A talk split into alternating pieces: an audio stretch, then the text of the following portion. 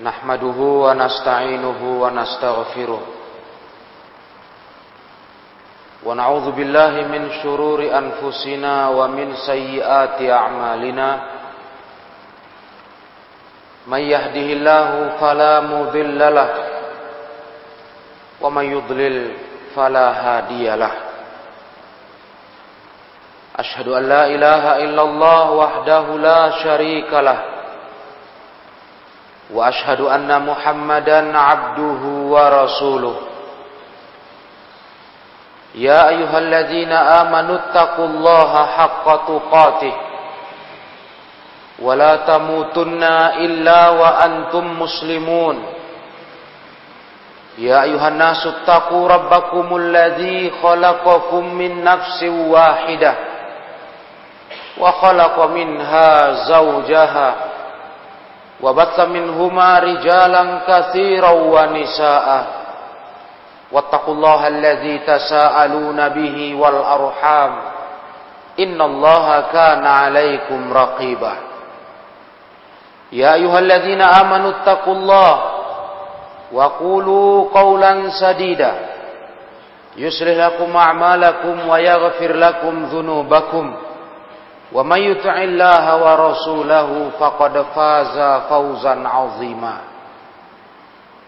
فإن أصدق الحديث كتاب الله تعالى وخير الهدى هدى محمد صلى الله عليه وسلم وشر الأمور محدثاتها فإن كل محدثة بدعة وكل بدعة ضلالة wa kulla dholalatin finnar.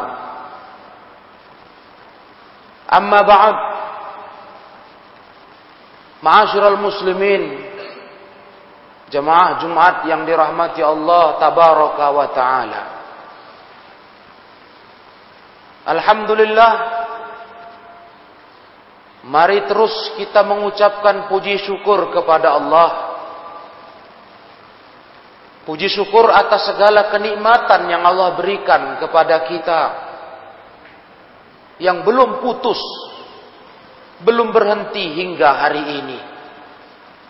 Kita masih merasakan karunia nikmat Allah tabaraka wa taala terutama sekali nikmat yang paling berharga nikmatul Islam dan nikmatul iman. Yang dengan nikmat inilah kita masih dapat menghambakan diri kepada Allah tabaraka wa taala. Masih dapat beribadah kepada Allah berusaha untuk terus mentaati perintahnya dan menjauhi segala yang dilarangnya. Salawat dan salam juga tidak pernah lupa kita sampaikan untuk Nabi Muhammad sallallahu alaihi wasallam.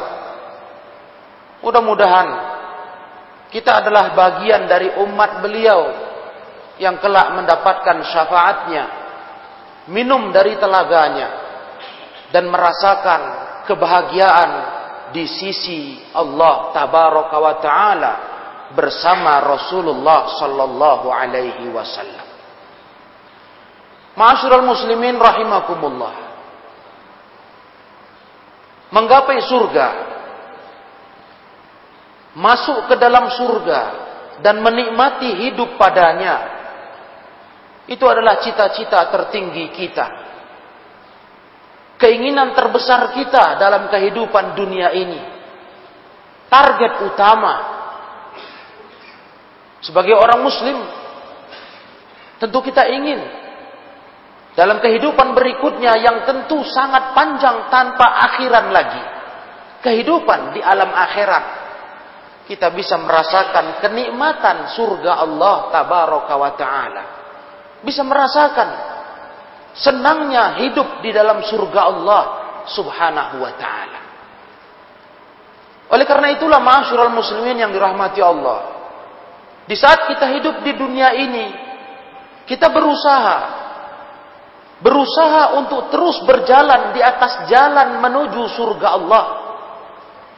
Berjalan di atas jalan yang mengantarkan kita ke surga Allah tabaraka wa taala. Itulah yang harus dilakukan oleh setiap muslim. Agar keinginan yang terpancang, tertancap kuat di dada kita. Kerinduan kita akan surga Allah tabaraka wa taala bukan angan-angan belaka. Tapi sebuah kenyataan yang betul-betul dirasakan dalam kehidupan abadi di alam akhirat kita. Kaum muslimin rahimakumullah. Maka jalan menuju surga Allah itu begitu banyaknya. Begitu banyak jalan diajarkan dalam agama kita. Sungguh, kita menyadari jalan yang sebanyak itu belum keseluruhannya kita tempuh. Belum sanggup seluruhnya kita jalani. Padahal kita orang-orang yang menginginkan surga Allah tabaraka wa ta'ala. Maka di khutbah Jumat hari ini, saya ingin menyampaikan ada dua jalan yang dirangkum Nabi Shallallahu Alaihi Wasallam agar kita betul-betul memperhatikannya untuk mengantarkan kita ke surga Allah yang begitu indahnya.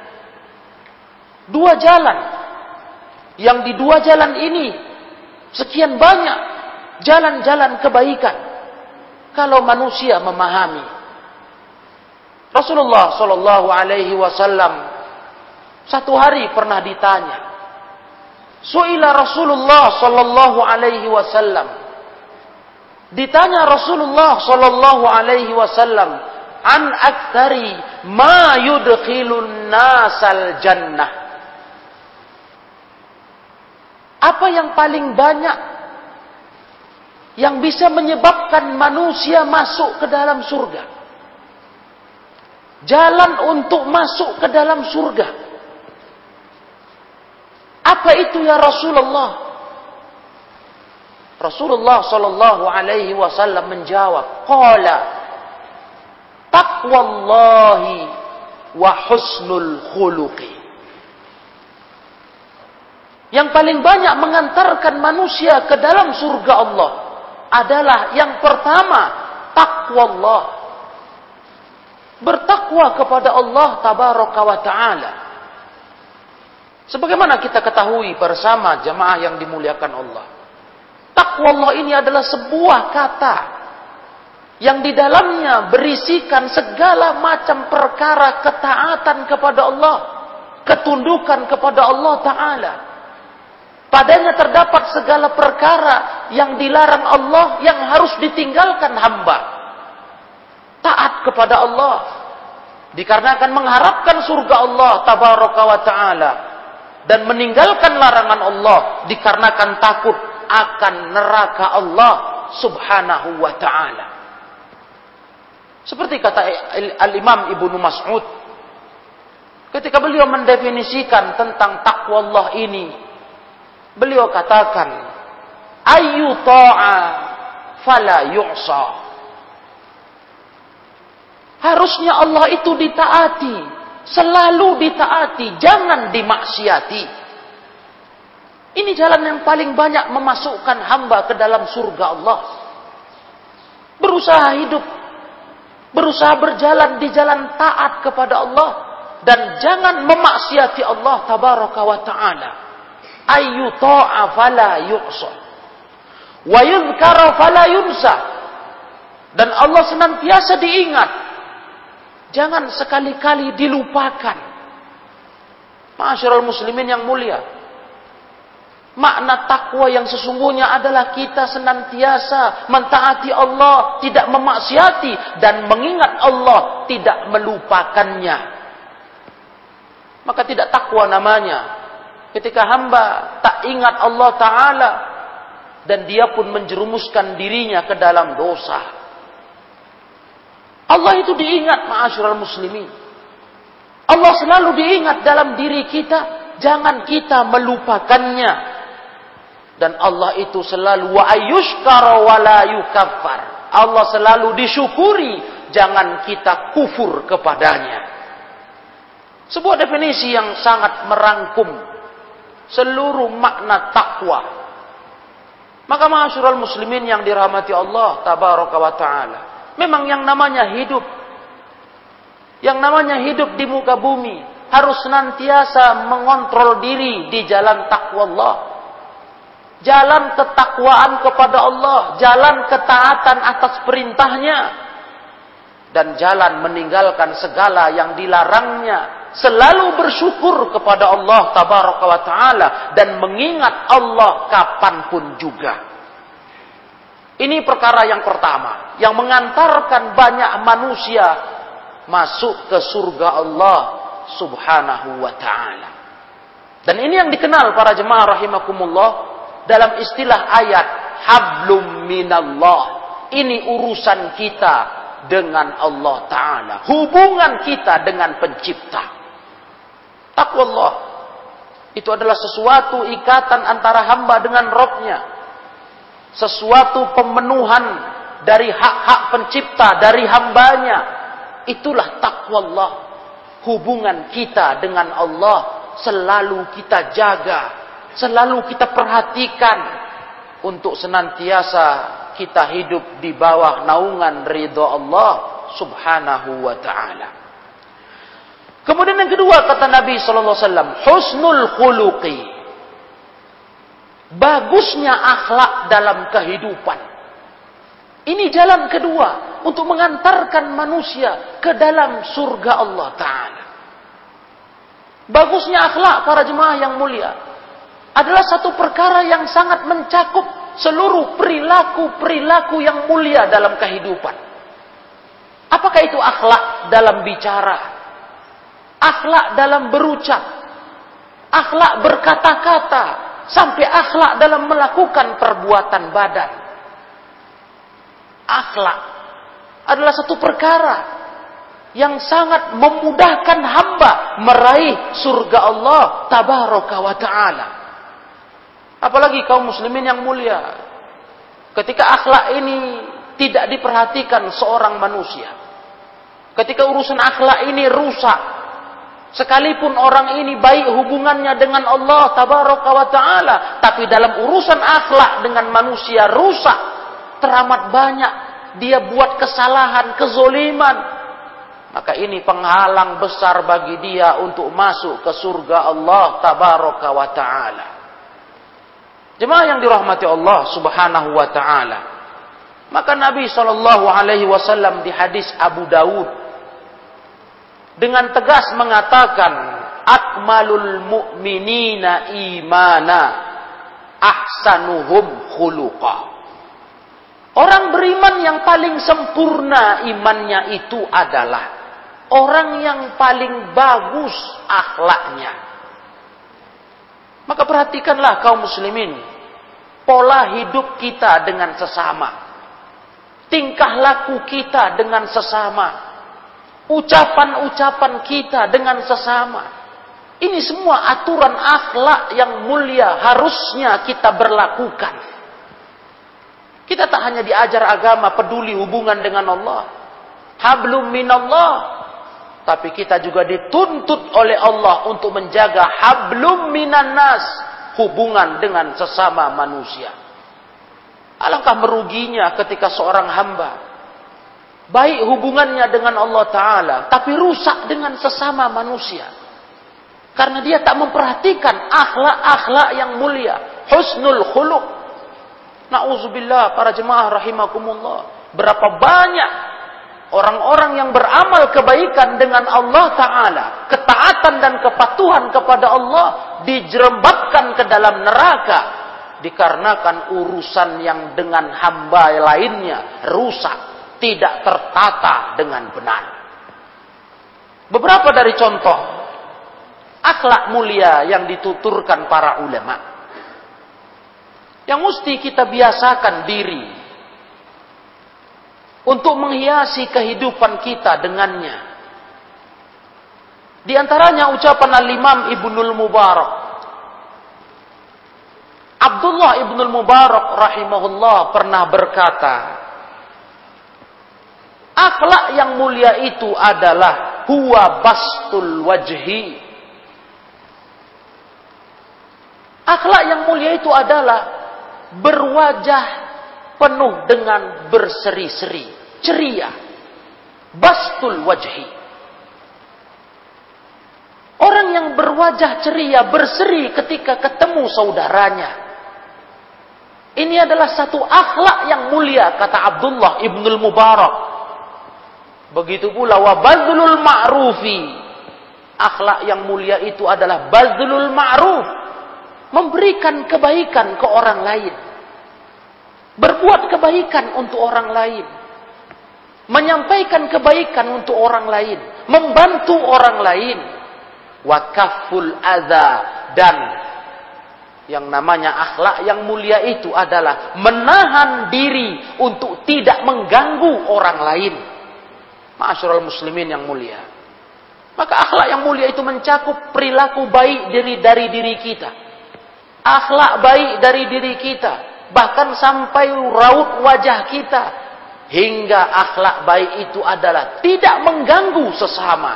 Tidak dengan lisan kita. Tidak pula dengan perbuatan kita. Kaum muslimin yang dimuliakan Allah. Begitu pula Imam Al-Hasan Al-Basri beliau pun juga berkata akhlak yang baik itu husnul khuluqi adalah al-karamu wal badlatu wal ihtimalu sama seperti ucapan Abdullah ibnul Mubarak. Hanya dengan versi redaksi yang sedikit berbeda. Kata Al-Hasan Al-Basri rahimahullah. Yang namanya akhlak yang baik itu adalah uh, al-karamu wal badlatu. Berbuat kedermawanan. Memberikan sesuatu bantuan kepada saudara kita. Mudah menolong sesama. Dan al-ihtimalu kita menahan diri dari gangguan manusia. Sabar dalam menghadapi ke, e, kerusakan yang muncul dalam pergaulan. Subhanallah. Al-ihtimal juga bermakna kata ulama menahan marah ketika mendapatkan kerusakan dalam pergaulan, menahan diri dari amarah. Masya Allah. Jemaah yang dirahmati Allah, Hingga Imam Ahmad bin Hambal rahimahullah pun juga mengucapkan definisi yang seperti itu. Kata beliau, husnul khuluki alla taghdab wala tahtadda. Yang namanya akhlak yang baik itu, kau jangan senantiasa selalu marah. Jangan mudah naik darah, tahtadda. Ini kata Imam Ahmad rahimahullah.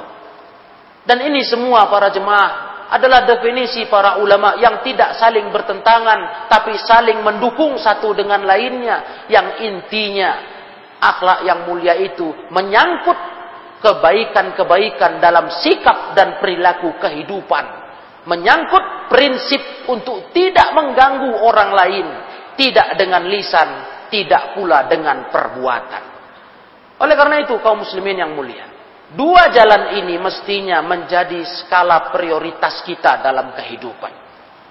Baikkan hubungan dengan Allah dengan menjaga ibadah-ibadah kepada Allah. Terus jangan putus, perjuangan belum berhenti. Belum sampai final.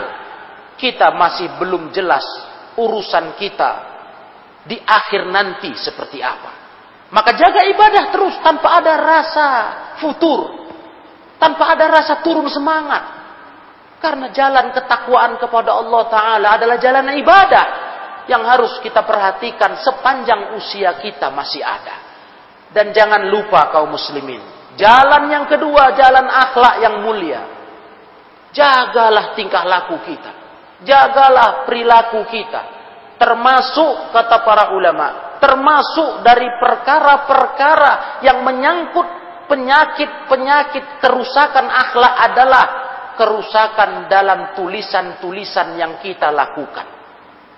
Bukan hanya menyangkut kerusakan lisan dan perbuatan badan, tapi juga masalah tulisan-tulisan. Mestinya kita menjaga diri untuk tidak melanggar ketentuan Allah Ta'ala dalam berbuat kebaikan kepada sesama, dalam tidak mengganggu saudara-saudara kita. Maka mudah-mudahan dengan dua jalan ini, apa yang kita targetkan meraih surga Allah itu akan menjadi kenyataan.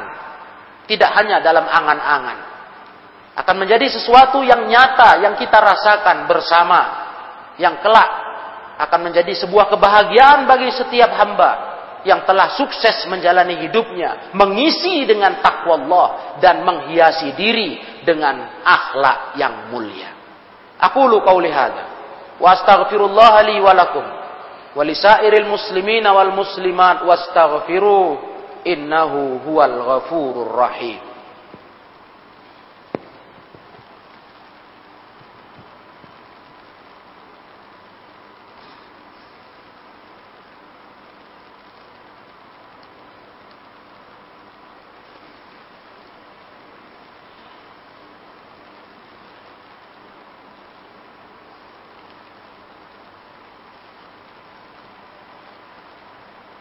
الحمد لله الحمد لله الذي هدانا لهذا وما كنا لنهتدي لولا أن هدانا الله أشهد أن لا إله إلا الله وحده لا شريك له وأشهد أن محمدا عبده ورسوله أما بعد معاشر المسلمين جماعة جمعة رحمكم الله Selain Nabi ditanya tentang perkara yang paling banyak memasukkan manusia ke dalam surga Allah. Kelanjutan hadis itu Nabi juga ditanya, wasu'ila an aktari ma yudkhilun nasan nara. Apa ya Rasul yang paling banyak bikin manusia masuk neraka? Ternyata juga dua jalannya. Kata Rasul sallallahu alaihi wasallam, "Faqala al-famu wal faraju." Yang paling banyak bikin manusia masuk neraka adalah karena masalah mulutnya dan kemaluannya. Inilah kelengkapan hadis tersebut, jemaah rahimakumullah. Hadis riwayat Imam Tirmidzi dan Ibnu Majah dari sahabat Abu Hurairah dengan derajat yang sahih. Memang harus lengkap. Ketika kita berusaha menggapai surga Allah, kita pun harus menunjukkan diri menghindar dari neraka Allah. Dan ternyata dua jalan yang mengantarkan manusia masuk neraka. Banyak masuk neraka orang gara-gara dua ini. Adalah urusan mulutnya, urusan kemaluannya. Masyarakat muslimin yang mulia. Kalau betul kita menjadi menjadikan diri kita orang-orang yang merindukan surga Allah. Betul-betul ingin masuk ke dalamnya. Coba perhatikanlah dua perkara ini juga yang bisa memasukkan kita dalam neraka Allah. Jangan sampai perkara yang dua ini jadi penghalang kita meraih surga Allah. Karena kita tidak menjaga keduanya untuk kita terhindar darinya. Itulah urusan dosa mulut-mulut manusia, dosa kemaluan-kemaluan mereka. Saking pentingnya hal ini diperhatikan sampai Rasulullah bersabda di hadis Imam Bukhari. Kata Nabi sallallahu alaihi wasallam, "May yadman li ma baina lihyaihi wa ma baina fakhidaihi admin adman lahul jannah." Siapa yang berani menjaminkan untukku untuk dia jaga antara dua jenggotnya? Artinya mulutnya. Dia mau jaminkan untukku agar itu dijaganya. Kemudian antara dua pahanya, kemaluannya. Aku yang jamin dia masuk surga. Para jemaah yang dimuliakan Allah. Dua perkara ini sangat penting sekali untuk kita jaga. Untuk kita perhatikan agar sukses kita meraih surga. Jangan sampai dosa-dosa mulut yang begitu banyaknya. Begitu banyaknya. Kita jatuh kepadanya. Maka yang paling selamat para jemaah yang mulia adalah kita menjalankan apa yang Rasul sabdakan termasuk daripada baiknya Islam seorang hamba, seorang hamba min husni islamil mar'i tarkuhu ma la ya'ni. Kita tinggalkan yang tak berguna, tak berfaedah untuk kita bicarakan. Untuk kita ucapkan. Untuk kita bicarakan, untuk kita obrolkan. Yang tak ada faedahnya. yang akan menjawab, yang akan membawa kita malah ke jalan dosa-dosa lisan kita. Nah ini yang harus diingatkan juga jemaah yang dirahmati Allah tabaraka wa ta'ala. Dan sebagai satu contoh yang mungkin jarang kita sadari, mungkin jarang kita ketahui, atau mungkin kita melupakannya setelah kita mengetahuinya. Salah satu daripada dahsyatnya kerusakan lisan dan mulut kita adalah apa yang Nabi Shallallahu Alaihi Wasallam sabdakan. Kata Nabi Shallallahu Alaihi Wasallam, "Kullu ummati mu'afa illal mujahirin." Semua umatku ini dimaafkan dosanya oleh Allah, kecuali orang yang mujahirin. Wa inna minal mujaharati termasuk dari mujaharah Mujaharah artinya terang-terangan buat dosa. Termasuk dari terang-terangan buat dosa. Pamer-pamer buat dosa. Ayya'malar rajulu billaili amalan. Satu malam seseorang itu buat dosa. Tahu-tahu thumma yusbih. Waqad satarahullahu alaihi fayaqul. Besok paginya dia bangun Allah tutupi dosanya di malam tadi, malah dia berkata, "Ya fulan, amiltu al-barihata kaza wa kaza." Dia cerita kepada orang lain, "Hai fulan, tadi malam aku buat ini, buat itu." Masya Allah. Allah tutup dosanya. Allah tutup dosanya bi ansatarahu bi ansatarahu rabbuhu wa yusbihu fayakshifu sitrallahi alaihi. Allah tutup dosa tadi malam, tak ada yang tahu. Besok pagi dia membukakan penutup Allah itu atas dirinya dengan bercerita ke orang lain. Mungkin kita selama ini berpikir jemaah yang mulia. Terang-terangan buat dosa yang tak diampunkan Allah adalah kalau kita terang-terangan buat dosa di depan orang banyak. Padahal termasuk dari dosa itu adalah kita menceritakan dosa-dosa kita kepada orang lain. Yang dosa itu ditutup Allah. Nauzubillah min dzalik. Hari ini banyak tren seperti itu, berbangga-bangga dengan dosa. Paling tidak dia merasa itu dosa sesuatu yang biasa. Lantas dia cerita ke mana-mana. Maka hindarilah ini jemaah yang dirahmati Allah. Inilah masalah daripada mulut-mulut kita yang tidak terjaga, yang malah mengantar kita masuk ke dalam neraka. Semoga Allah memudahkan kita untuk benar-benar menempuh jalan menuju surganya dan memudahkan kita pula menguatkan kita untuk menghindari jalan menuju nerakanya.